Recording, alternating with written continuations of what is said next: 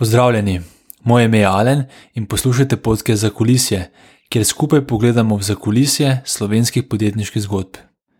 V 49. zakulisju je bil moj gost Jure Požun. Jure je kreativni direktor in strokovnjak za marketinško komuniciranje.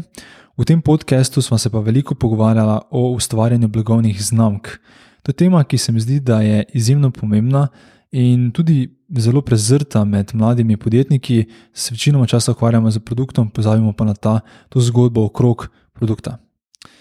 Jure se mi je zdel izjemen gost za to temo, saj ima ogromno izkušenj ne samo na slovenskem, ampak tudi na globalnem trgu. Uh, svoje izkušnje je nabiral pri nekaterih priznanih agencijah, kot so Love, McCann, Ogilvy. Kot samostojen strokovnjak pa je svetoval tudi nekaterim slovenskim podjetjem, ki so prisotna v tujini, kot so Bitstamp, Outfit 7. V vlogi kreativnega direktorja pa celo sodeluje tudi s tehnološkim velikanom Apple. Sedaj, pred dvema letoma pa je skupaj z Nikom Klanškom ustanovil decentralizirano kreativno agencijo Hashmark, ki se v bistvu fokusira na blockchain in tehnološka podjetja in jim pomaga pri brandingu, rasti, pridobivanju uh, crowdfundinga oziroma množičnega financiranja in tudi na področju uporabniške izkušnje.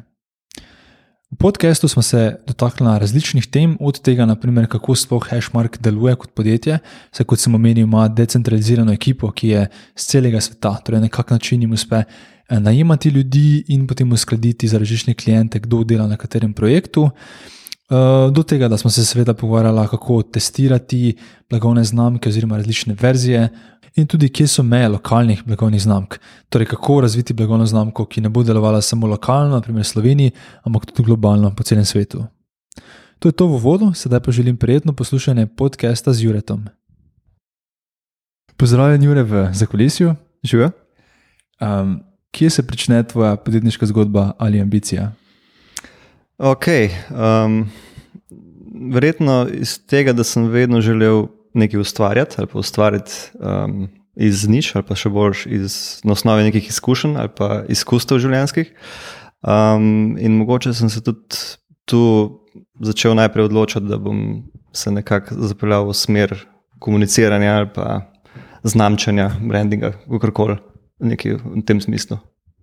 Ampak kaj si že kot otrok, pa ne v osnovni šoli, pa srednji šoli, si že imel veš kakšne take male projekte, pa si se ukvarjal. Mislim, veš, kako se je ta kreativa tvoja kazala?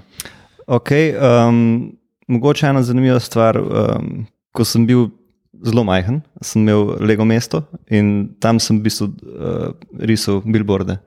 Uh, in v bistvu še en, en, enega od teh billboardov imam še vedno, ukvirjenega, ker sem uh, nekako ponudba bila uh, tri tone peska, uh, hiša v New Yorku, pa pes Doberman.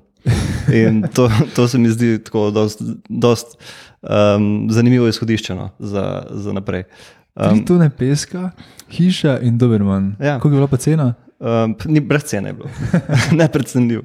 Ampak um, um, kar mi je bilo zanimivo uh, pri tem, je, da, da sem mogoče opazil, kako uh, možgan deluje, kako funkcionira, pa v bistvu, kam, se želi, kam se želi plasirati v tem svetu.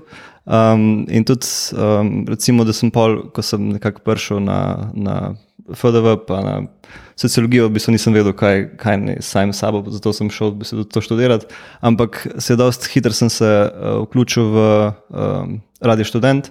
Marketing, uh, ker sem dobil priložnost kot pisec scenarijev uh, radijskih, ker smo si lahko prvo šli marsikaj. Uh, to je bilo v bistvu ful dobro odskočna deska tudi za, za naprej. Ker so tudi um, nekako kot kreativci, moraš v bistvu stvariti portfolio, na osnovi katerega te najemajo naprej. Ne? To še vedno velja. Um, tako da to je bilo v bistvu ena izmed ključnih momentov, no? da sem lahko se začel izražati popolnoma svobodno, samo v nekih takih zelo uh, nezarisanih okvirih. Da nam povem več o tem pisanju scenarijev pri um, Radio Student. In sicer me zanima, če se lahko spomniš, kakšne zanimive scenarije, ki si jih napisal. Ali pa še bolj me pa v bistvu zanima, če se iz te izkušnje, a misliš, da se zaradi te izkušnje, zaradi teh pisanih scenarijev, da si danes boljši uh, kreativec?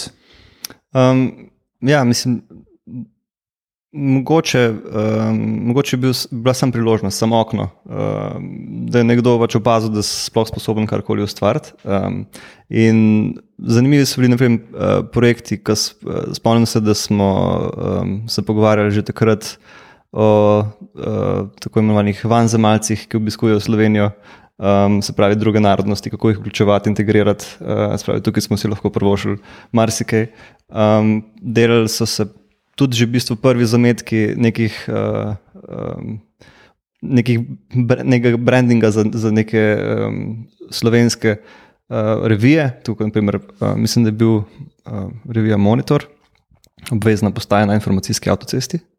Um, take stvari. Tako da v bistvu sem se prvi srečal s slogani.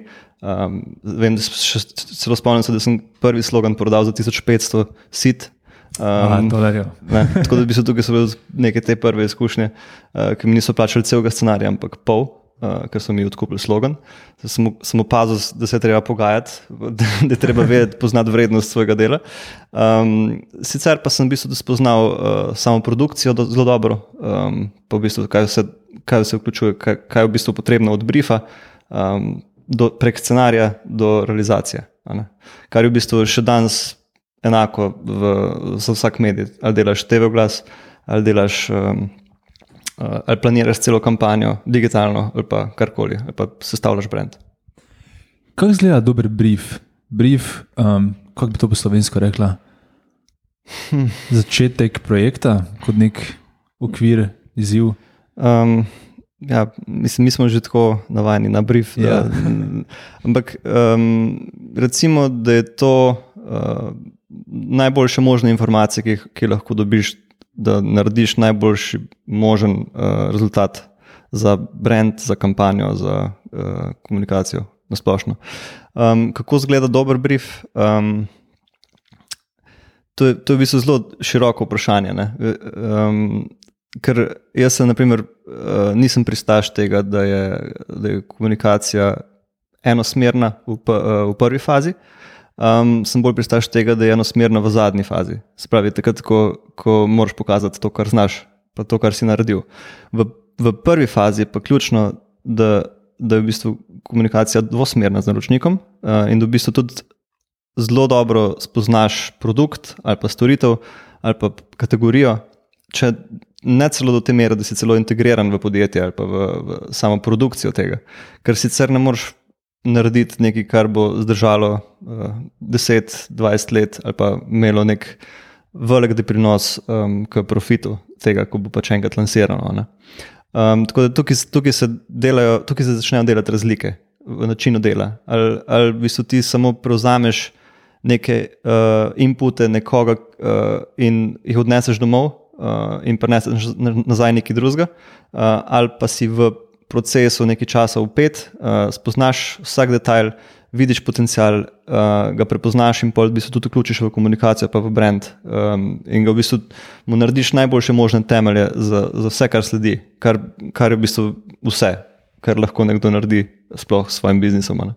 Torej, da jaz pridem do tebe in rečem, uh, Jure, jaz rabim uh, nov logotip in nov, nov brand, um, prosim, naredi mi ga.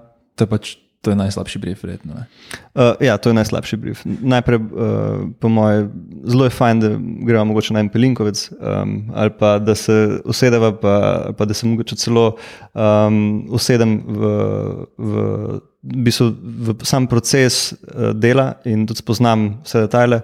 Um, in pa bi se šele iz tega ven, preko vprašanj, preko zelo detaljne analize, preko raziskovanja, preverjanja um, in tudi ugotavljanja, v bistvu, kaj sploh je uh, problem, pa kaj sploh, v bistvu, kam sploh moramo iti, šele se ugotovi dejansko tisto prav, pravo vprašanje za brief. Še kaj se mi zdi triki, da naprimer, ko začenjaš z, z svojo kariero, ne, ali to kot oblikovalec brendov, ali pa tudi kot ne vem, kakšen drugi oblikovalec, pa nasplošno kot freelancer, da mogoče si na začetku ne upaš toliko, veš, za klienta komunicirati, da imaš občutek, to bi pa že moral znati. Veš, kaj mislim? Veš, da ti pride klient in rečeš, ja, jaz to potrebujem, in ti imaš občutek, veš, da moraš ugotiti. Uh mhm. -huh. Veš, kako priti preko tega? Ne? Ker tebe nikdo ne najame, načeloma zato, ker si ti ekspert in ga moraš tudi voditi. Ne? Ampak je ta verjetno samo zaveza tega, da ti vodiš klienta, ni tako enostavna. Veš, kako si prišel do tega? Um, pač, največ k temu doprinesajo, se mi zdi, izkušnje. No? Uh, tega jaz nisem vedel pred desetimi leti, recimo. danes vem. Um, in tudi um, nekaj je, ki se recimo na svoji karjerni poti uh, gradiš, ustvarjaš, nekaj pa, ko se zgradiš, pa ko si v bistvu um, dost prepričan v to, kar počneš, pa v rezultate svojega dela. Tako da ta samozavest je tudi potrebna, ki, ki prideš s časom, pa s potrditvami, pa z rezultati. Um, in seveda na osnovi te uh, samozavesti začneš graditi nov boljšit um, uh, filozofijo dela. Um, se pravi, če, če mi, naročnik ali pa blagovna znamka, ne, vem, ne glede na to, uh, odkot je, pa kaj je, uh, ni sposobna razložiti, kakšen je problem ali pa kakšni so cilji, um, je moja dožnost, da to ugotovim.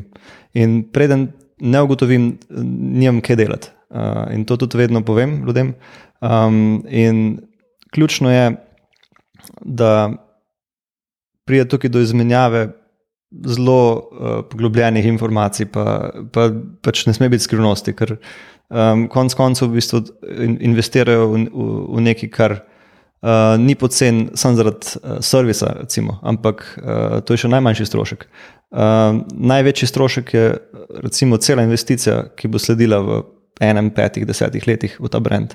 In če bo pač narobe zgrajen, se bo podaril, oziroma pač ne bo dosegel nikoli svojega potenciala. Tako da Um, treba biti iskren, pa, pa realen, um, pa uh, ne preveč olepševati situacije po nepotrebnem. Um, in tako prideš v bistvu do dobrih inputov za nekaj zanimivega v prihodnosti. Máš kakšen konkreten primer, pa ne rabi biti zdaj, da izdaš klienta ali karkoli takšnega, ampak samo kakšen konkreten primer, kaj si mogoče pri enem izmed teh projektov ugotovil v tem briefu in je potem full vplivalo na sam um, na sam končni produkt. Veš, kaj je to bilo, kaj je bil, kaj je bil tisti insight, ki mogoče niti klient se ga ni zavedal, da je pomemben na začetku, in potem, ko ste ga odkrili, ste bili tako, oh, wow, ok, to je tisto, kar moramo spremeniti, izboljšati, narediti drugače.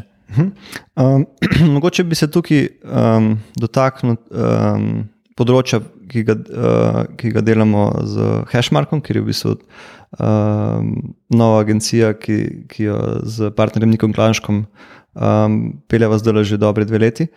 Um, kar smo opazili, je, da tehnološka podjetja, recimo, če temu rečemo tudi blockchain podjetja ali pa tehnološka podjetja na splošno, um, imajo težave z um, nekakšno uh, razlago tega, kar počnejo, kaj je njihov produkt.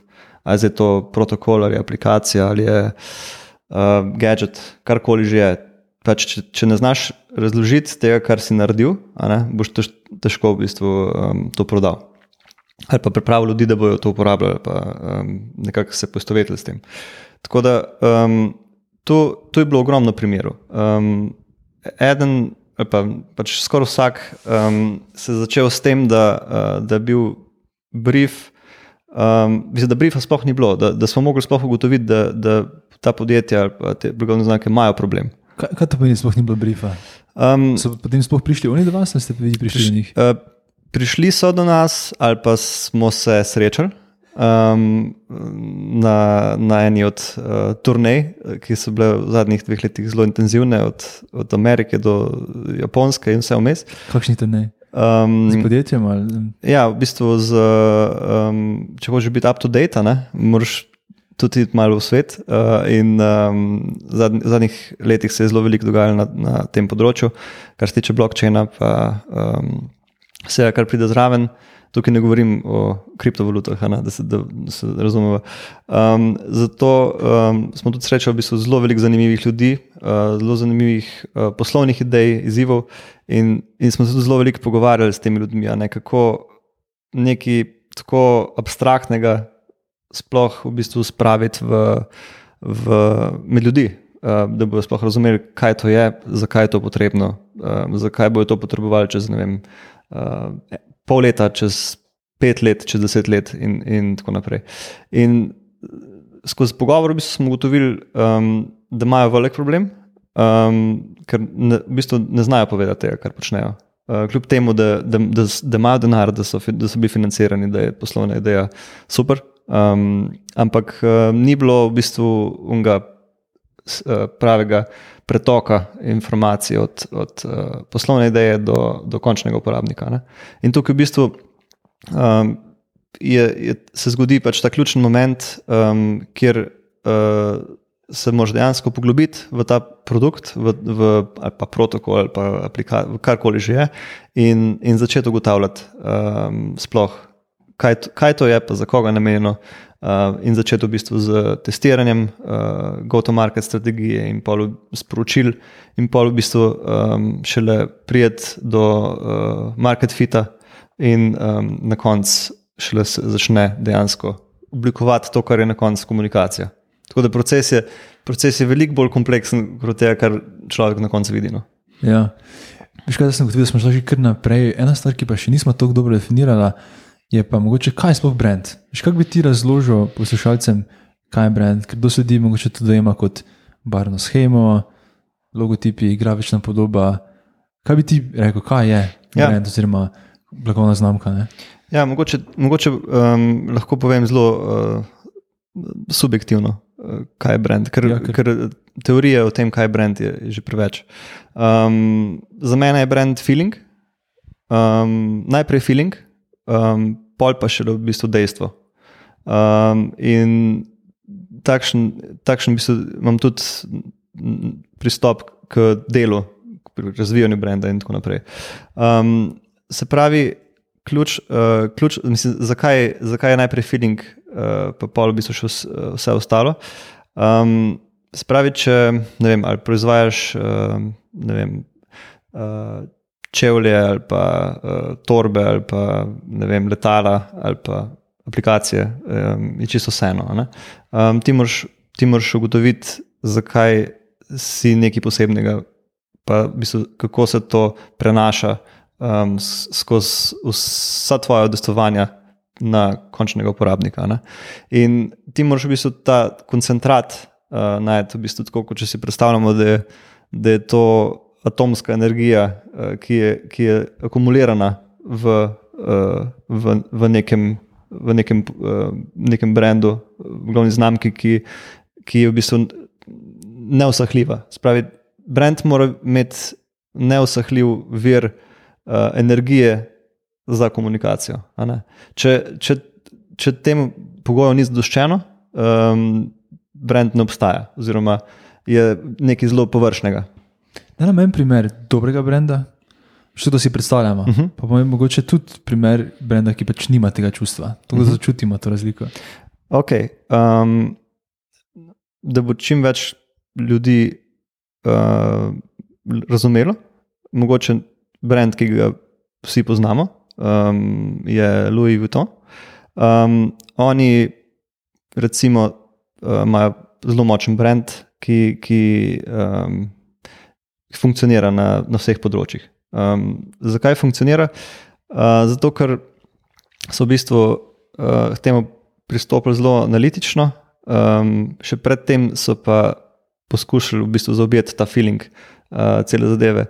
Um, in čisto slučajno sem delal za Ogilvi uh, in mi je zato dost poznan v bistvu ta njihov uh, model, ki je seveda še samo eden izmed modelov, uh, z, ki, ki se uporabljajo pri brandingu, ampak vseeno. Um, spravi, kar, kar so oni naredili, je, da so vzeli um, uh, kulturno tenzijo, oziroma cultural tension. Um, Se pravi, ki uh, presek med uh, cultural tension in med uh, brand's best self, uh, se pravi najboljšo obliko brenda, Um, kulturna tenzija je bila v tem, um, da bi se masovno potovanja so se, um, so se iz ne vem, nekaj zanimivega uh, pretvorila v nekaj posebno običajnega. Vsak, vsak že potuje, um, obstajajo nizkocenovni ponudniki. Um, milijarde ljudi se prenaša po zraku in posod druge. Um, Spravi, zgubila, zgubila se je uh, romantika potovanja. Na drugi strani uh, je pa v bistvu najbolj, najboljša, najboljša oblika brenda, je pa v bistvu to, da, da glih zaobjema to uh, romantiko potovanja, pa uh, kvalitetno in lepo izdelanih uh, nekih luksuznih uh, dobrin, oziroma kako se temu reče. Um, in ta preseg je v bistvu uh, poslanstvo uh, brenda, ki je, da um, verjamemo, da bi bil svet boljši, če bi ga uh, živeli kot uh, izjemno potovanje. Spravi, zelo preprosta zadeva, um, ki, ki se pa pol v praksi udejanja na milijon načinov, uh, od tega, da Kit Richards uh, nastopa v njihovih oglasih, pa vem, vsi izjemni ljudje, Sean Connery, do vem, tega, kako v bistvu delajo uh, modne revije ali pa uh, kako izgledajo produkti, konec koncev. Tudi, ko se dotakneš torbe, uh, si že na tem potovanju. Ne? To je point.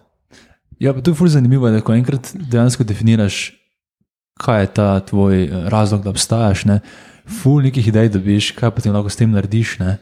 In ljudje dosti krat vidimo samo tisti vršni del, in niti ne, niti ne znamo tako se zati ubesediti to, ampak čutiš uh -huh. ta del, ne pri Louis Vuittonu, pa tudi Nike, naprimer, ki ima kar dober svet tega. Kaj pa bi potem en primer, veš, to, da začutimo, zakaj je to pomembno. Kaj pa je primer tak lifeless ali pa take brenda brez duše, oziroma brenda, ki, nima, ki ne zbuja emocije. Verjetno jih je ful, ampak. Uh. ja, za vse tisti, o katerih ne govorimo. Ne? Um, spravi, vsi ti brendi so flat in, in nimajo nobene dimenzije. Kaj bi ti, na primer, za Amazon rekel? Ne? Kaj je njihov brand? Imajo nek, mislim, itak imajo nek brand, ampak veš, ni, ni tako romantično, kot je ta Louis Vuitton. Veš. Ne, ja, seveda, um, brand ima lahko tudi um, različne usmeritve. Um, Amazon je predvsem zelo praktičen brand in, um, in recimo, da je ugoden brand uh, in dostopen brend. Um, manjka mu pa seveda, se mi zdi, velik del uh, ta emocionalna komponenta, ampak konec koncev ni bila potrebna za, za to vrstno uh, industrijo mm. v tistem trenutku. In tudi v bistvu, kaj, kaj vidimo danes v e-commerce, uh, na e-commerce področju, uh, ogromno je konkurence. Um, in v bistvu se mi zdi, Amazon še vedno ima seveda, dominantno vlogo, ampak prihajajo drugi, ki so tako praktični, um, ne vem, ali baba ali pa z vseh strani prihajajo in, in na koncu konca se, bo, se bojo stopili v, v neki. Ne? In ne bo nič um, tako presenetljivega. Um, na sprotnem primeru pa si vemo, da vem, Apple, um, Nike ki ste za me, vsaj vem, IBM, eh, konc koncev, so zelo dobri primeri tega, kako narediš sustainable brand, ki, ki živi, pa se razvija. Pa je bil, ne vem, imel vodilni položaj uh, na trgu pred vem, 20 leti, pa danes, pa tudi čez 20 let, ga bo imel. Ne. Tukaj so osnovne razlike. Za svoje uporabljate ful velike eh, primere, ne? Amazon, IBM, da so pač ogromna podjetja. Uh mhm. -huh. Ampak koliko je to relevantno tudi za manjša podjetja? Še rečemo, naprimer, da imamo v Ljubljani eno restauracijo ali pa trgovino. Kako je to tam pomembno? Um, Sedaj je pomembno, odvisno, kaj hočeš narediti. Um, spravi, če um, treba najprej poznati v bistvu ambicije, To spet smo pri briefu. Um, če, če boš imel lokalen brand, ki bo ostal lokalen brand, ki ima ambicije, da ostane, ostane lokalen brand, pa verjetno uh, potrebuje minimalno investicijo v brand. Če pa imaš brand, ki, bo, ki bo pač šel čez svoje meje, čez svoje okvire in ima uh, ambicije na globalnem trgu, pa ga je treba pa drugače skonstruirati. Ga treba pa skonstruirati kot, kot lokalen globalen brand. Spravi, da bo ta restauracija, uh, naprimer v Ljubljani, um, imela enako, enako vpliv tudi vem, sred Londona ali pa sred New Yorka. Uh, in to so pač ključne razlike, ki, um, ki so seveda odvisne od, od uh, ustanoviteljev, pa lastnikov in tudi seveda nekega strategije, s katero grejo na trg. Torej, če prav razumem, naprimer, um, če bi želel ostati lokalen, potem je to čustvo oziroma ta ta uh, stvar, ki jo iščem, je lahko fully lokalna, ta težava, ki jo nagovarjam. Če pa, je, uh, če pa želim potem kasneje iti v London in ostala mesta, potem pa moram nekako iskati ta preseg, da je nekaj, kar je in tukaj v Sloveniji, in globalno težava.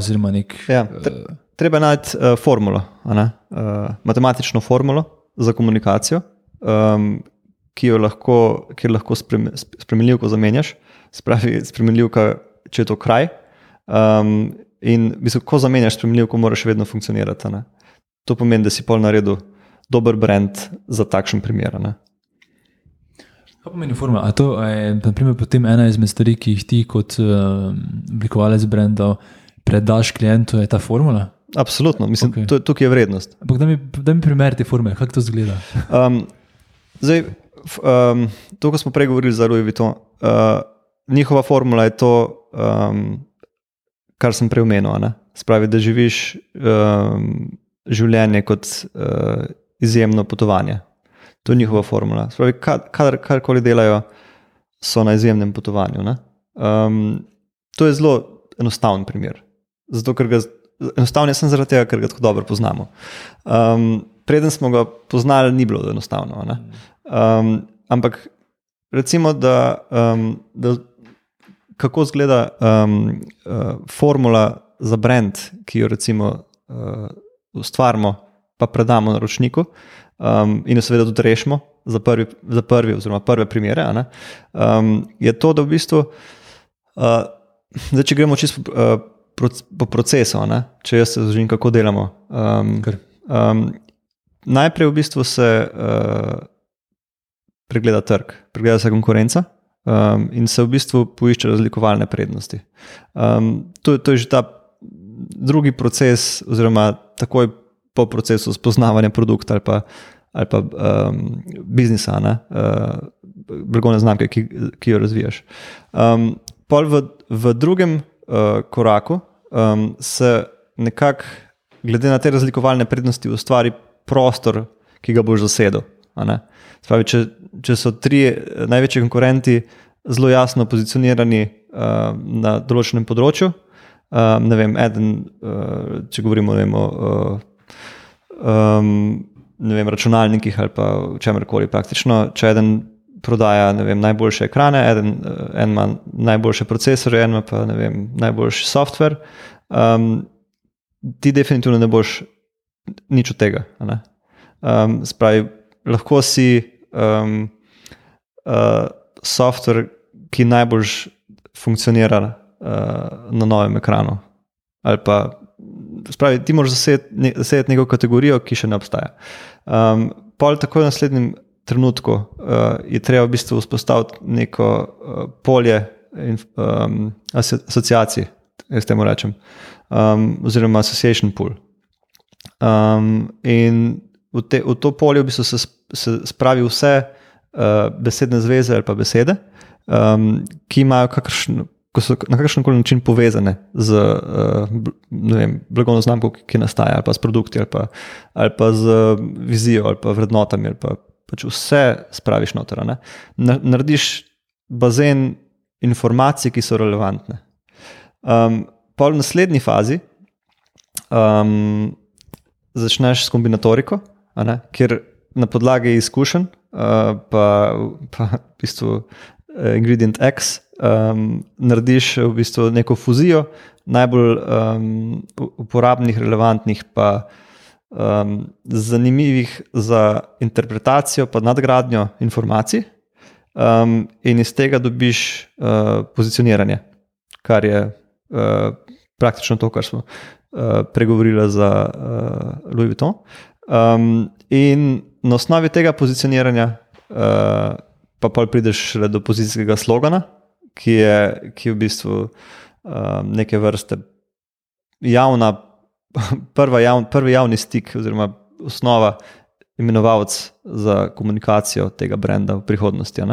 Posebej pa seveda, um, jaz ful. Uh, Ful rad podarim, da um, se naredi najprej plakat, ker plakat vsebuje uh, key visual, sli, pravi, uh, ja, key visual. Um, v bistvu vsebuje pozicijski slogan, vsebuje uh, naslov, uh, pa vsebuje kratek opis. In ko si, če si sposoben to narediti, um, tako da ko pogledaš, rečeš, to je pa, pa dobro. Um, in če se s tem strinja naročnik, uh, pa v bistvu si dobro rešil uh, prvi izziv uh, manifestacije novo nastalega brenda. Ne. Če nisi, uh, je treba ponoviti vajo. Zanimivo. Čekaj, torej štiri elementi so. Torej ta key visual, oziroma ključni vizualni element, Ja, naslov, ko je verjetno ime brenda. Ne? uh, ne, naslov je pač headline. Uh, Ampak kaj je ta naslov? Kaj, kaj naprimer, ta naslov je kot ime produkta ali je um, Ne, to, je, to, value to, proposition? to, to gre za nek hook, um, s katerim uh, pridobiš pozor, relevan, relevantno pozornost, če se lahko temu tako rečemo. Mhm, ok, torej hook, potem imamo. Uh, Spravi, key visual pa headline sta, uh, delujeta na, ist, na istem nivoju. Lahko um, en, en drugega zamenjujeta, če sta dobra. ne? Um, osnova je seveda vedno naslov, zato ker eh, lahko deluje tudi na, brez slike. ne. Ampak to je v bistvu naslov, pa slika sta eno in isto praktično. aha, ok, ok. Pa imaš pa v bistvu logo, pa pozicijski slogan, pa tekst, ki pa op- opis produkta. A ta pozicijski slogan, naprimer, bi bil Just Do It za Nike. To, ja, seveda. Aha, kaj pa potem ti so zadnji del? Um, je pa v bistvu opis, v bistvu, če rečemo, uh, vem, Nike dela uh, visokotehnološke čevlje za um, novodobne uporabnike. Mm, torej, na dolgo potem razložiš. Ta Tako. Just Do It ta feeling, potem Tako. ta spodaj pa potem ta. To je podpis. Podpis. Ja. Just do it je podpis, Ja, to je ja, pa, ja, to je pa okej. razlagano. Ok, ok. To je fully zanimivo. Da v bistvu ta poster obstane kot nek prvi, v bistvu, kot, kot neki prototip, v katerem ti potem probaš je- vse te štiri glavne elemente. Tako, to je prototip eh, komunikacije. Ne? In uh, tudi v bistvu um, danes si govorijo o, o digitalnem uh, in um, tako naprej. Um, to, je, to je super, ampak um, tudi za banner ali pa za uh, Instagram post ali pa za story ali pa za video, za vse rabiš plakat. Rabiš osnovne elemente, osnovne gradnike komunikacije, ki jih pol samo plasiraš. In um, večkrat sem že opazil, da, da, da tega ni. In uh, zato so v bistvu to prve neke take zelo opazne luknje v, v, v brendu, še posebej v teh, ki, ki se no, novo nastali brendi, pa nastajajo zdaj. ne. Torej, če vzamemo ta poster kot neki litmus test, ne, na kak način ga testiraš? Eno je, kot si rekel, da ga pokažeš klientu. A je to test ali ga pokažeš tudi um, uporabnikom? Veš, na kak način lahko sploh testiraš brand? Um, ja, to je, to je v bistvu zelo, zelo dobro vprašanje, pa tudi um, zelo kompleksen proces, ki se začne v enem trenutku. Spravi, um, če rečemo, da smo uh, uh, skonstruirali brand in ga predstavili naročniku, ki je bil navdušen, um, je to dober znak, spravi, da mu je všeč. Um, in zato, ker uh, spoštujemo njegovo uh, poslovno uh, in siceršno inteligenco, mu verjamemo, da, uh, da pač smo tako na- z naše strani, kot ustvarjalci, kot strani naročnika, prišli do nekaj uporabnega. Ne? Kar pa še ne pomeni, uh, da je finalna oblika in da je to v bistvu abs absolutno. Kadar, kadar si pripričan, absolutno, ponovadi uh, to ni najboljša, najboljši način uh, dela v našem poslu. Ne? Spravi, uh, treba je testirati uh, trg, um, ne samo v bistvu. Tukaj ne govorim samo o brendu, ampak tudi o vseh um, derivatih brenda, ne, kot, kot posledicah brenda, ne, kot, kot elementih, ki izhajajo iz njega. Um, in tukaj v bistvu tudi, recimo, um, to, to je zelo, pomembno, zelo pomemben korak, kjer pride pol tudi v bistvu. Um, Uh, širša ekipa zraven, in tudi nekako namen tega je, da testiramo čim več sporočil v okviru tega polja asociacij, pa, pa elementov, ki so nastali. In kar, kar moramo mi narediti, mi moramo dokazati, um, da imamo prav. In to naredimo tako, da v bistvu uh, tesno um, promoviramo uh, določene elemente, določene materijale na različnih kanalih in, uh, in beležimo rezultate. In, um, če pridemo do, do, do neke potrditve, pomeni, da ljudje razumejo, kar smo naredili, da razumejo produkt. In konc, konc koncev v bistvu tudi vidimo, v bistvu, kaj, katero izmed sporočil, iz serije sporočil, ki smo jih naredili, je tisto, ki je idealno in, in tisto, ki je v bistvu vredno večje investicije. Naprimer, če greš uh, čez, pri- za primerjavo, če greš kot majhen startup ali pa konec koncev tudi ogromen brand, ogromen biznis. Uh, komunicirati nek nov produkt, imaš nek nov launch um, in imaš ogromen budžet za sabo, ki ga boš zapravil, veš, da ga boš zapravil, ampak ne veš pa še, kakšne bo imelo to posledice. Ne?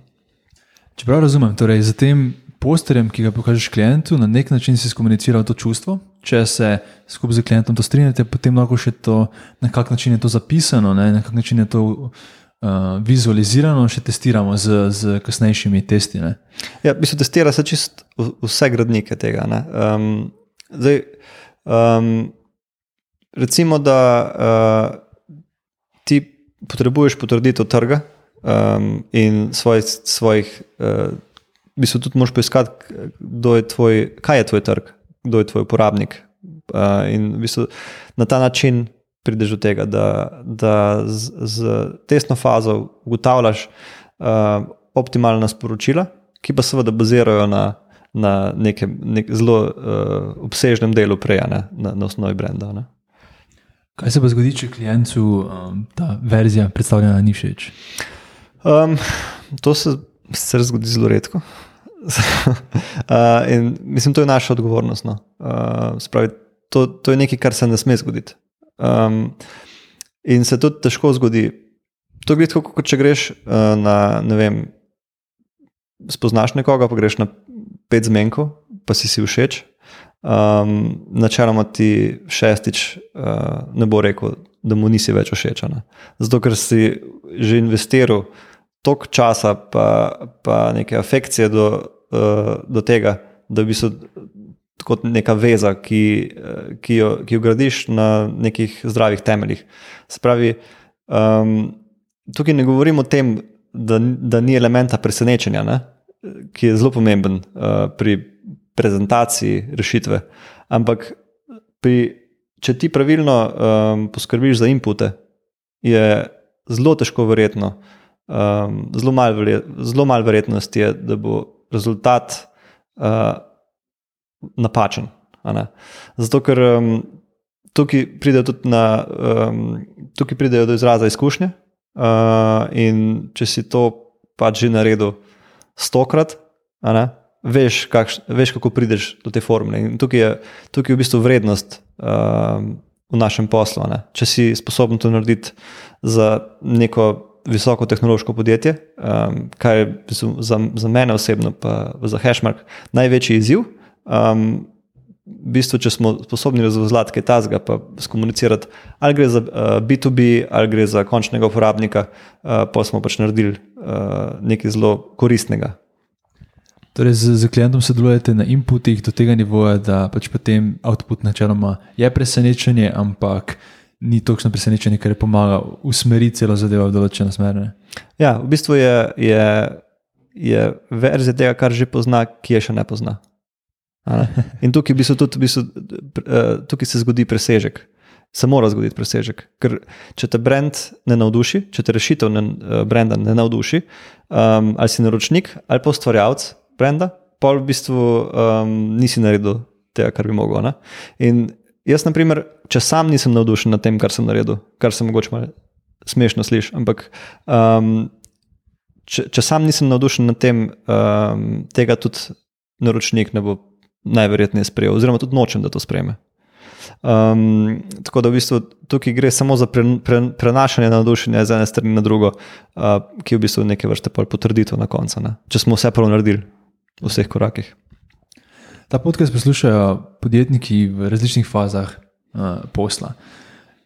Verjetno je fulj zanimivo vprašanje za marsikoga, je, kdaj pa za koga je smiselno, da se poglobi in da se konkretno loti uh, rebranda ali pa nasplošno p- prvega brenda. Uh -huh. Uh, okay, um, spravi, mi dva, mogoče, um, mogoče je fajn, da, da povem čisto kratko ozadje. Sprav, um, jaz izhajam iz advertisinga. Um, in vem, delal sem za velike agencije v preteklosti, um, za velik. Uh, Velikih podjetij, ki so, ki so v bistvu danes uh, ali bila prodana, ali so zelo uspešna um, na globalnem trgu. Um, Medtem ko je um, moj partner v Hashmarku, Niko Klanšek, um, uh, imel zelo veliko izkušenj s crowdfundingom, um, konec koncev je tudi sam uh, speljal uh, dve relativno veliki podjetji um, v Tuniziji, v New Yorku. Um, tako da v bistvu tukaj, če, se, če, uh, če govorimo um, o združevanju izkušnja, ne, um, je, je nek, je, pride- pridemo do zelo uh, v bistvu lepega rezultata, um, kjer se v bistvu nekako ta biznis logika prepleta, začne prepletati s, s to kreativnostjo oziroma um, domišljijo iskanje, iskanje rešitev, ki, ki so na neki racionalni osnovi. Ne? Um, tudi v bistvu, zakaj to govorim? Um, zato, ker mogoče včasih, uh, mislim, vem, kako je bilo uh, pred časom, uh, podjetje, ko razmišlja o, o oglaševanju ali pa o blagovni znamki, uh, vidi, vidi stroške. Ne?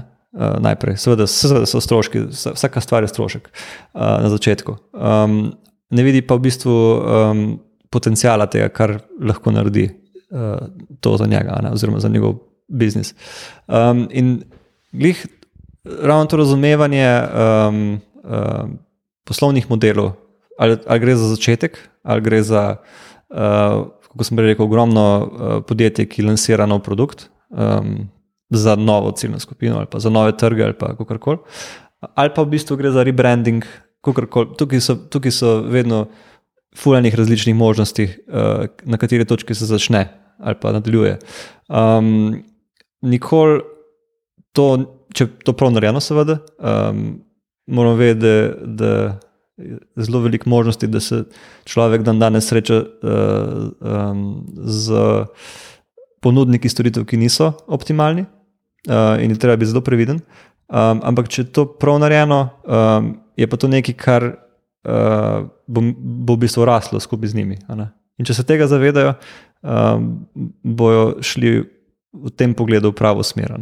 Spravi, če še drugače povem, um, če si naredil nek produkt um, in ga želiš uh, predstaviti najprej v lokalnih, pa v globalnih okvirih, če želiš crowdfundati, um, če želiš um, zbirati uh, investicijo uh, od uh, razno raznih skladov, um, rabiš brand, rabiš um, brand, ki spremlja ta uh, poslovni načrt, pa ki, ga, ki mu daje v bistvu neko zagotovilo, da bo uspel, ko bo prišel na trg.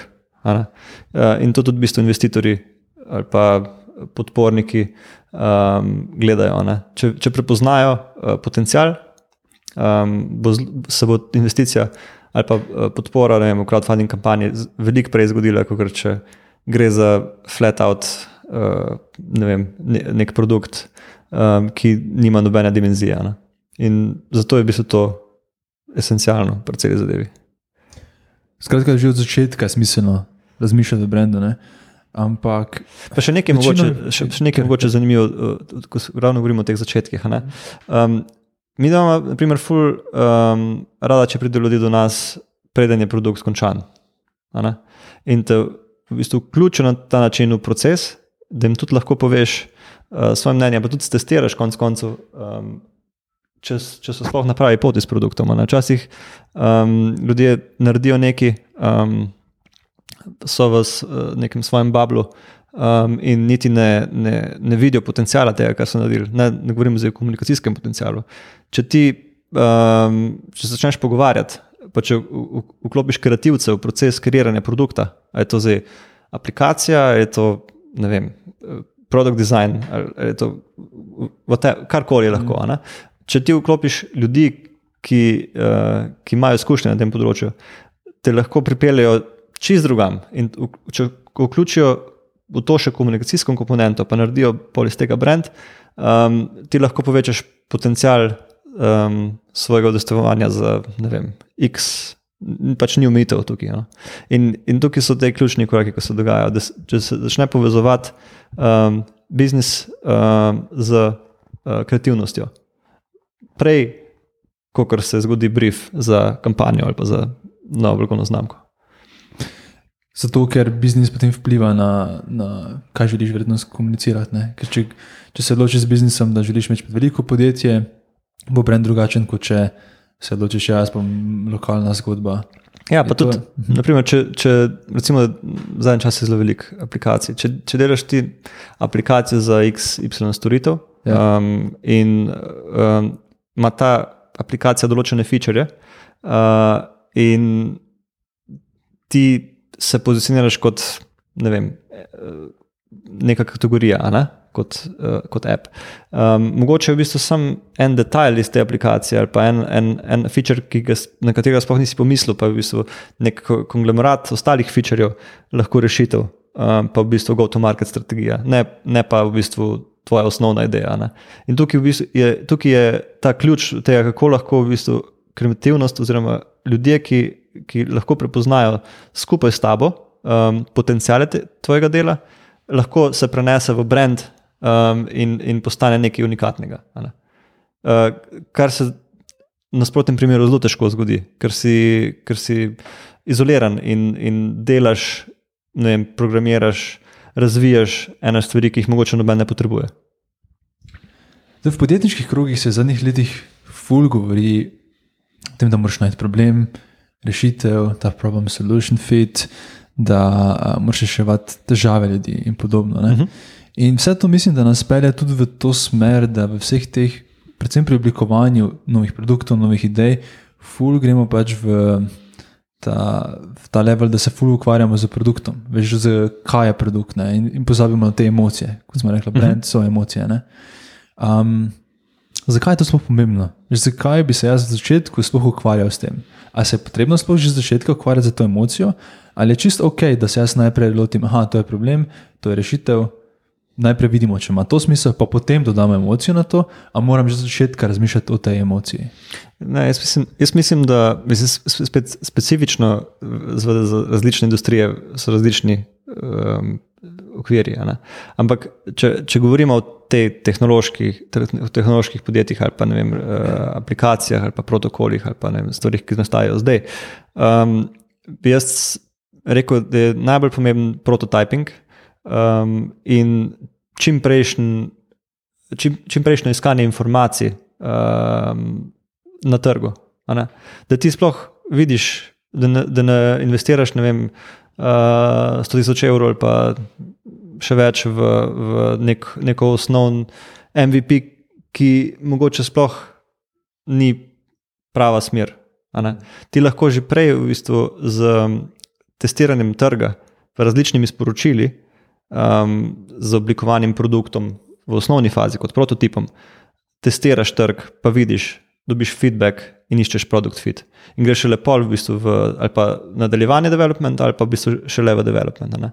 In tukaj v bistvu se ustvarja ta dodana vrednost, ker se tudi um, s komunikacijo uh, pa iskanjem brenda uh, nekako začne cela ta skupna pot, um, ki se konča z lončom ki, ki je veliko bolj preverjen, kot ta, če bi ti šel um, narediti uh, izdelek, poiskati agencijo, reči, da je mi zdaj to zbrendirati uh, in greš pol na trg. Razlike so tukaj lahko ogromne.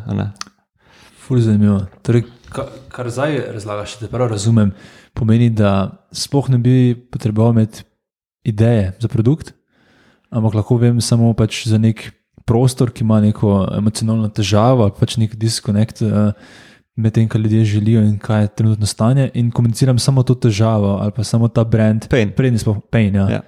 Tako, to je fulcene. Pa, ja, ja. Mislim, ne samo cene, ampak tudi bi se dobiš relevantne informacije z uh, trga. Ne? Zakaj bi razvil nekaj, kar misliš, da bo funkcioniralo, uh, ali pa da bo ljudje potrebovali, če nisi pripričan, oziroma niti nimaš osnovne ideje o tem. Ne, um, ne smeš temeljiti na svojih predvidevanjih. Mislim, seveda, eno je ta inkubacija, ideja, uh, ki si excited, uh, drugo pa je v bistvu reality check, ki je pa fajn, če ga speleš na ta način, ne? z nekom, ki to zna narediti.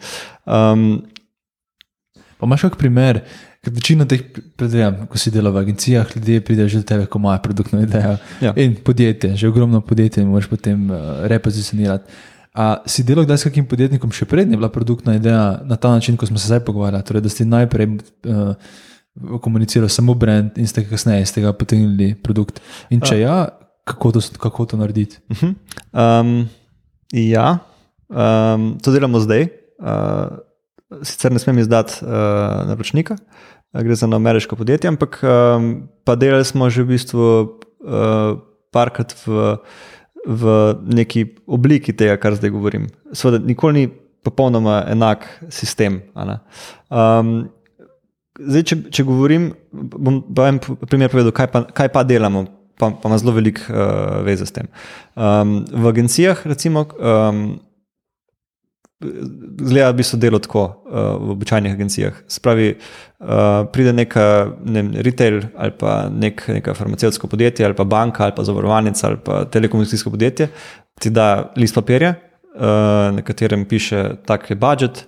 Uh, takrat moramo ven, um, vem, zdaj je Valentinovo ali pa Božič ali pa uh, nov paket um, in narediti nekaj. Ne. Produkt je že opisan, kaj je. Ne? Vse je že. In, um, to, je, to, je biz, to je res, res starodobno. Uh, in, in v bistvu to, to ni, ni osnova, da bi tak način preživel. Um, to, to v bistvu tega v tujini skoraj ni več, pri nas je to še uh, pač čisto eh, slučajno poznam uh, situacijo, še vedno. Um, je še vedno praksa, um, so nekateri primeri, ki, ki se malo odmikajo od tega, ampak recimo velika večina še vedno dela na isti način.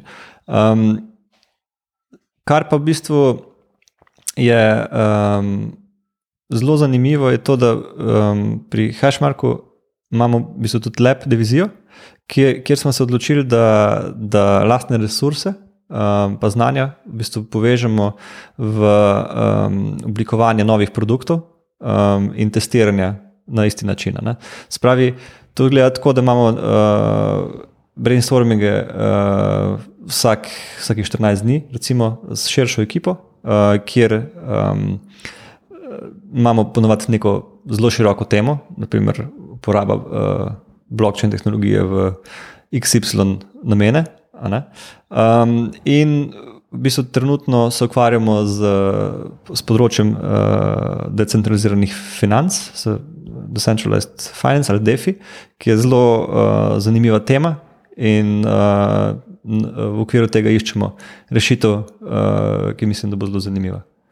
Um, tako da to je en tak primer, ki ga v bistvu sami, uh, sami poskušamo dokazati. Sicer pa v bistvu na, s klienti to delamo na različne načine, v, v različnih fazah, z enimi v, v pač ce, cel, celotni izvedbi, v celotni proces, z nekaterimi pa v bistvu nadaljujemo na neki točki, ker seveda več, velika večina je že začela ali pa končala že dolgo nazaj, pa v bistvu ali nadaljujejo, ali nadgrajujejo, ali, ali se spreminjajo ali v bistvu uh, grejo v rebranding, tega je ponovadi največ, ker, se, ker morajo v bistvu na, se na novo iznajti, pa na novo pozicionirati z svojimi produkti, s samim sabo, in tako naprej.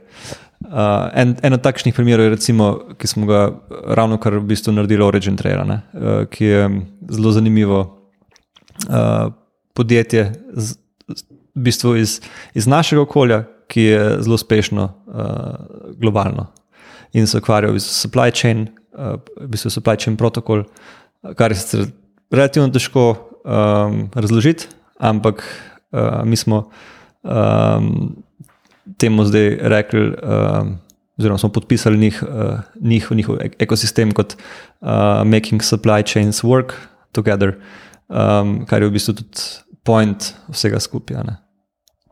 Zato je mogoče tako zanimiv primer, ko ga dosti poslušalcev pozna Origin Trail in uh, najboljših slovenskih uh, backupanih uh, blockchain startupov. Um, če nam lahko mogoče poveš, veš, racionel oziroma razmišljanje za tem sloganom, ki si ga zapisal. Kako ste prišli do tega? Um, ja, v bistvu um, iskali smo predvsem uh, nekaj zelo enostavnega, pa razumljivega, zato ker um, oni, oni so v bistvu.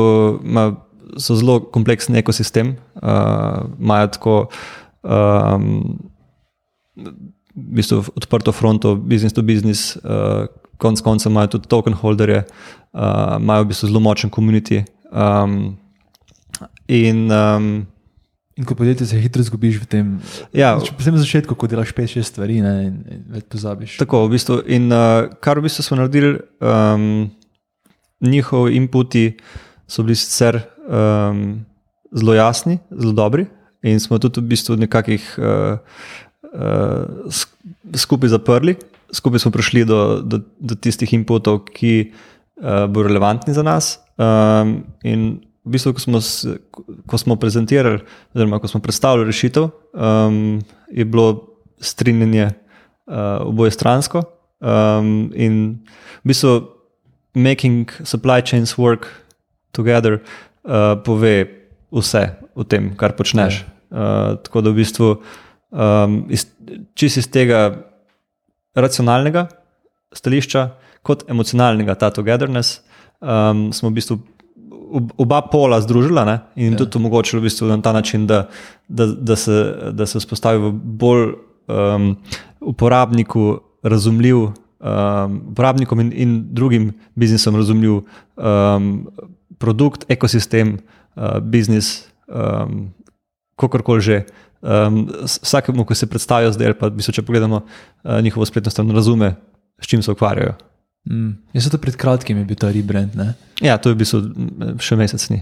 Ja, teda uh, si lahko vsi poslušalci pogledate tudi na um, origintrail.io. Uh, ja. okay. um, torej, z Nikotom sta pred kratkim začela uh, hashmark. Uh -huh. Kako ste pa brand za hashmark postavili? Veš, kaj je vaš ta podpis, kaj je vaš, ta, ta, ta vaša emocija, ki vi rešujete? Uh, ja, um, to. Um, Ne vem, kje bi začel, ker mi je zelo, zelo ljuba zgodba, no, ker, ker je pač lastna. Um, mi smo, um, kako sem rekel, prihajava čez iz različnih ozadij. Um, sodelovala sva že na njegovem projektu Flycly, uh, kjer sem mu pomagal z brandom, um, in ki je bil, by the way, uh, takrat pozicioniran kot Street Smart in je bila full dobra osnova. Uh, delali smo z, že takrat z influencerji v, v, vem, v, Londoni, v Londonu, Ljubljani, um, Ameriki um, in v bistvu delali zgodbe. Um, tako da v bistvu smo testirali najno. Uh, medsebojno sodelovanje na ta način. In je bilo, je bilo zelo fajn. Um, smo se dobro ujeli, in te najne razlike uh, se so se pa najbolj prikazali, najbolj prišli do, smi, do smisla, uh, pač, če jih združiš v hashmarku. Ne? Ker sem rekel, da to ne bo, uh, nisem, definitivno nisem, jaz nisem želel v bistvu delati svoje agencije, ki bi bila še ena agencija. Um, uh, in v bistvu smo se strinjali, da naredimo nekaj zelo odprtega, uh, modernega, um, relevantnega pa seveda, da je po, drugi strani tudi nekaj, kar v bistvu rešuje težave tistih, uh, ki so trenutno zelo aktualni, kar so tehnološka podjetja, um, kar spadajo tudi blockchain podjetja. Ne? In začela smo združevati svoje znanja, se pravi. Uh, operativno biznis uh, na njegovi strani in uh, kreativnost, um, dizajn, uh, HR na moji. In smo v bistvu nekako um, prišla do do tega, da smo decentralizirana um, komunikacijska agencija um, za blockchain in tech, uh, ki temelji na kreativnosti. Um, kaj decentralizirano pomeni? To pomeni, da nimamo ja. pisarn, da, da, da ne obstajamo v realnem uh, okolju, razen uh, ko pridemo na sestanek ali pa ko se dobivamo. Zdaj je to uh, v, vem, v Hongkongu, v uh, WeWorku, ali je to v Londonu, v WeWorku, ali New Yorku, ali San Francisco, je čisto vseeno. Um, ali pa se dobimo pri naročnikih v, v, v okviru ekipe, ki je za projekt potrebna. Spravi, da smo to absolutno tailor, uh, tailored um, service, um, kjer se trudimo v bistvu. Um, tako iz moje strani, uh, ki imam dostop do izjemne mreže kreativcev uh, prek uh, moj, mojega preteklega dela v celi Evropi, pa, pa v Ameriki, um, kot njegove, ki ima zelo veliko izkušenj uh, na področju uh, biznisa, poslovnih načrtov, kako se naredi exit, konec koncev, pač šoje od A do Ž. Um, in v bistvu, kako je nastal hashmark? Um, Mogoče uh, samo ime uh, je prišlo, da, da, mislim, praktično iz, iz zraka, ne, kar je, mhm. to, to je najboljš, ko se to zgodi. Takrat veš, da, uh, da si naredil nekaj dobrega. Kadar, kadar je podzavestno in sam v bistvu pride na, povr, na površje in vzameš in ga, in ga samo splasiraš, kako je treba. In ga čutiš. Tako, ja, in ja. v bistvu um, dobro funkcionira. Um, v bistvu smo dobili zelo dober feedback tudi na, na produkte, ki jih ponujeva, ki so v bistvu vse od um, brandinga, uh, growtha, uh, UX, uh, razvoja UX-a um, do um, konc koncev plasiranja lonča uh, in komunikacije uh, na trg. Tako da um, zaenkrat uh, je zelo zanimivo, pa zelo se od, uh, odpira uh, in se tudi v bistvu fokusira na, na to, da uh, manjšim startupom, tehnološkim startupom um, odpirava nove trge. Je to v bistvu Azija, kot smo v bistvu delali za nemški Bitbond, ali, ali je to v bistvu uh, cel svet uh, z, preko brendov, ki jih delamo za uh, razno razna podjetja. In uh, v bistvu prihajamo do zanimivih rezultatov. In kaj pa je ta emocija, veš, ki jo imate v vašem brendu, torej v Hashmarku? Um, ja, um, emocija, ki jo imamo mi, smo po mojem, kar mi sami, ker smo v bistvu smo servis in nismo v bistvu brand za končnega uporabnika. ne. Um, zato, če bi rekel, um, najboljš uh, povzema v bistvu naš brand, naš življenjski stil, uh, pa naš pristop k delu, um, kjer se. Ker dejansko v bistvu v vsakem trenutku uh, maksimalno uh, vlagamo v to, kar, kar delamo, ker je vsak, vsak naš projekt um, nov člen v portfolio, in um, seveda, si, seveda so naše ambicije zelo velike, in um, tukaj um, s- smo zelo usmerjeni v, v kvaliteto. Um, in mislim, da se bo tudi hmalo v bistvu začel uh, bolj jasno izražati. Connecting the dots in blockchain in tech. Ne? Mhm. Um, že kaj, zdaj tu ene zelo zanimive točke dotaknil, to je, da ste vi brand, ljudje. ne? Ja. In to je tudi mogoče stvar, ki se dosti krat dogaja, ko je podjetje malo, da podjetje prevzame uh, osebnost ustanovitelja. Mhm. Kdaj je to dobra stvar, kdaj pa ni dobra? Um, dobro je v primeru, uh, če gre za, uh, vsaj po mojem mnenju, če gre za zelo šizofreno, uh, uh, če gre za zelo šizofren konstrukt, kar v najmanjem primeru z Nikotom definitivno je. Um, spravi, midva, kako mi dva delava, mi dva se uh, uh, najprej vedno ne strinjava, um, vsak se strinja zase. Um, in v bistvu skozi ta proces um, prihajava do rešitve, in, ki ni kompromis, ampak je, je v bistvu optimalna rešitev za uh, biznis um, in uh, brand. Um, tako da tukaj se mi zdi to uh, zelo dobro izhodišče.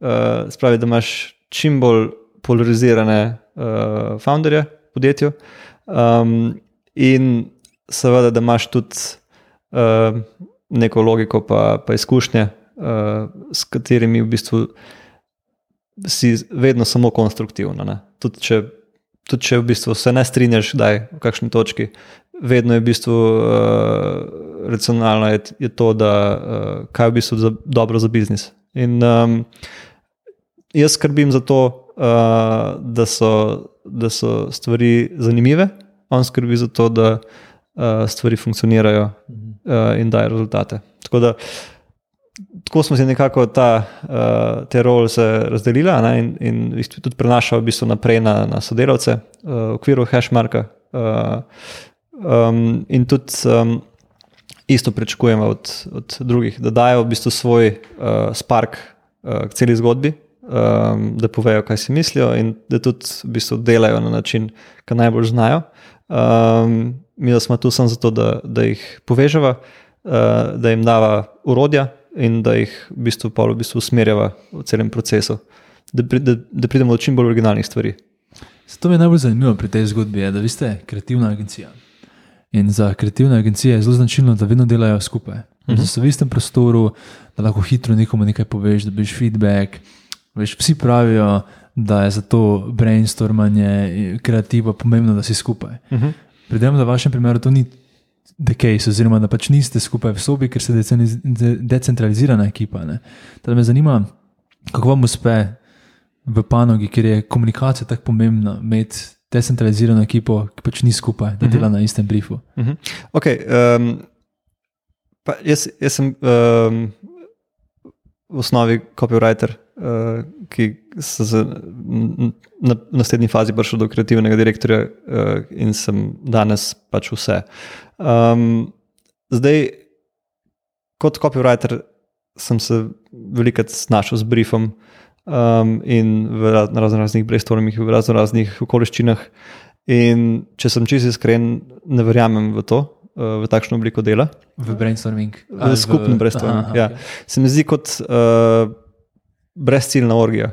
Uh, in največkrat, um, mislim, ne največkrat, do, do, do tistih uh, res zanimivih idej, ki, ki, ki lahko zdržijo na do, dolgi rok, pa so nosilci komunikacije, pride človek sam.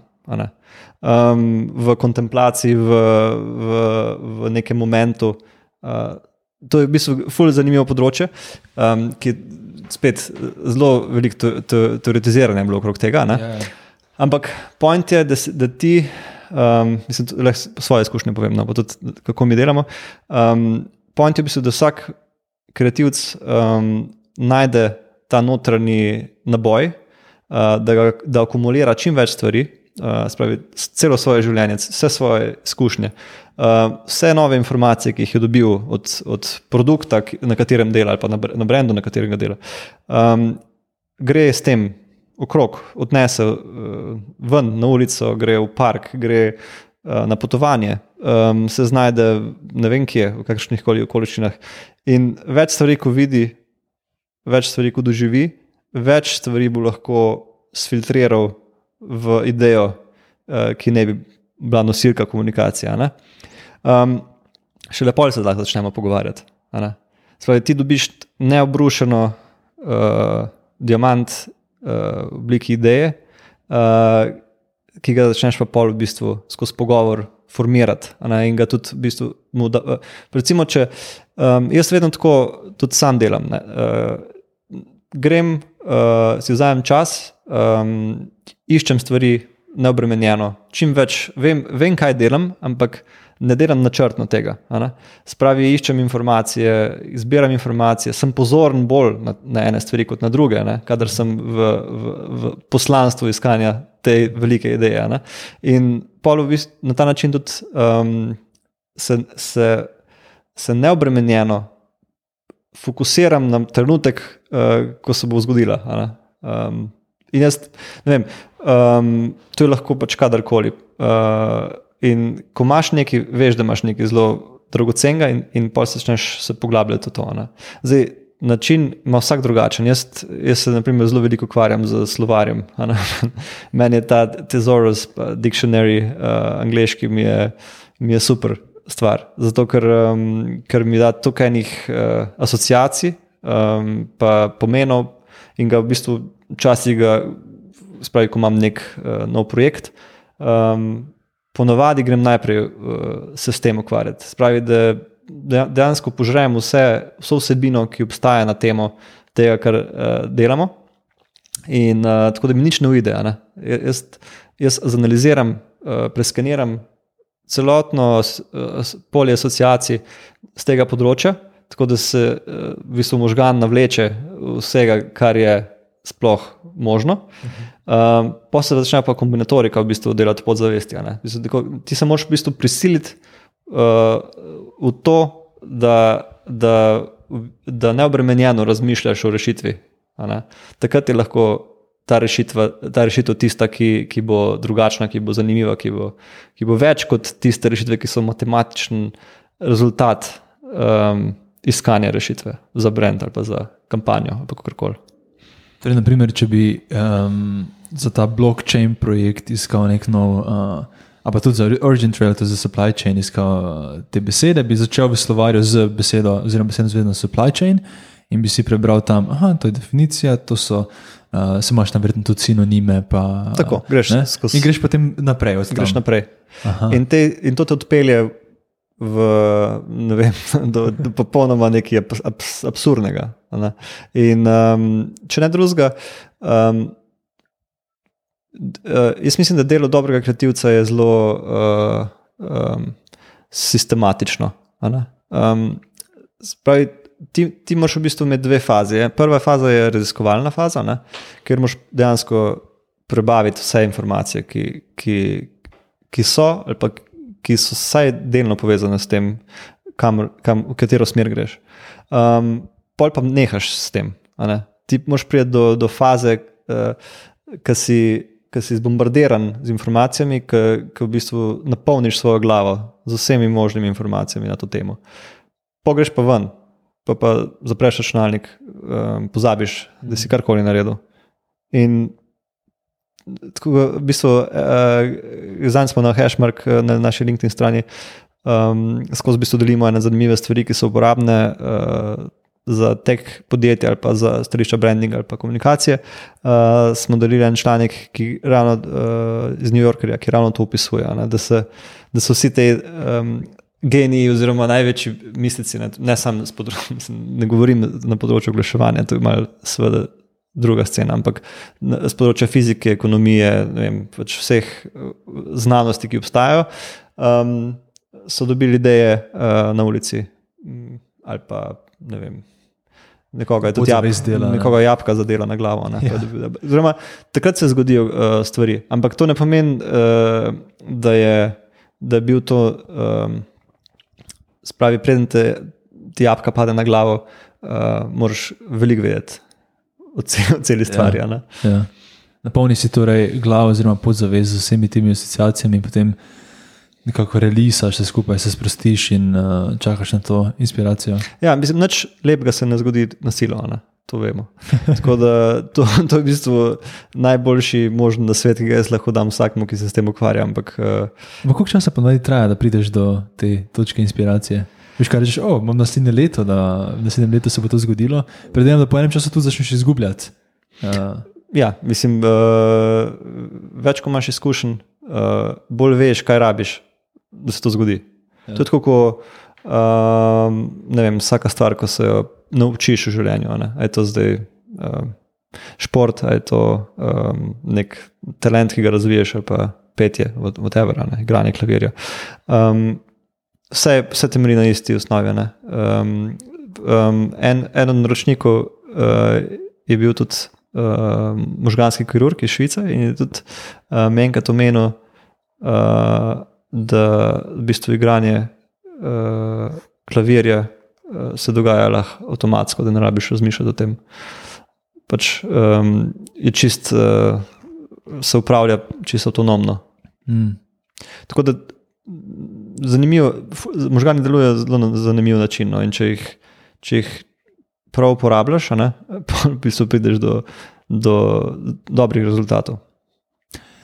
Če se vrnemo na vašo ekipo, to pomeni, da vsak člen te ekipe v bistvu uh, sam razvija svoje ideje, in ko je nekaj, kar je že na nivoju izobliko, dokaj izoblikovane ideje, potem si začnete deliti in mm, ok, gremo v to smer. Ja, v bistvu um, naš proces je, seveda, mi, ključna prednost Hashmarka je to, da, da se priključimo uh, naročnikovi ekipi v, v zasedbi, ki je za to potrebna. Se pravi, če se mi odločimo, da bomo lansirali nek produkt, pa da ga bomo že skupaj razvijali. Uh, da ga bomo testirali na trgu, uh, in pa v bistvu tudi lansirali kampanjo, pripravili vse materiale za to. Uh, to govorimo zdaj pač o, o relativno razširjeni ekipi. Um, če se pa zdaj ukvarjamo, če pa, če pa delamo samo brand ali pa samo growth ali pa samo UX, uh, je pa tudi to seveda možno. Um, ampak vsak je odgovoren za svoj del uh, do faze, ki je pripravljena za to, da jo uh, potrdimo, izoblikujemo, sprejmemo, zapakiramo in lansiramo ali pa testiramo. Um, tako da tukaj niso samo kreativci, tukaj so, uh, tukaj so še ljudje, ki, so, um, ki delajo growth, tukaj so ljudje, ki, ki dizajnirajo user experience. Uh, vem, delajo wireframe za aplikacije ali pa za spletne strani, tukaj so razno razni partnerji uh, za PR, uh, ki, ki, s katerimi imamo zelo dobre odnose in, in so sposobni v bistvu lansirati uh, zgodbo, ki je opazna na globalnem nivoju, um, ki tudi potrebujejo konec koncev naš input, oziroma input za brand, um, oziroma za produkt. In um, tukaj so pa pač še vsi ostali, ki, ki, ki so del tega procesa, po potrebi. Um, tako da ta uh, tailored uh, način je nekaj, kar uh, se mi zdi, da je, da je, da je prav odgovor uh, na trenutne potrebe uh, nekih tehnoloških podjetij, ki, ki, ki se soočajo s problemom. Um, Vem, ali uh, pridobivanja novih uporabnikov, ali povečevanja uh, nekih prihodkov, ali um, pa prodaje, ali, ali pa v bistvu samo tega, da regulatorji pripričajo, da, bojo, uh, da je to, kar delajo, kul. Cool. Tako da, ful, ful enih različnih um, področji, s katerimi se trenutno ukvarjamo, ampak zelo zanimivo. Za agencije pravimo, da so njihovi ljudje pač njihov posel, to so do, dobri ljudje, to je tudi dober rezultat na koncu na projektu. In um, videli, da vsi rečemo od doma, decentralizirano. No? Uh -huh. um, kaj je pomembno pri zaposlovanju ljudi, veš, ki delajo remote?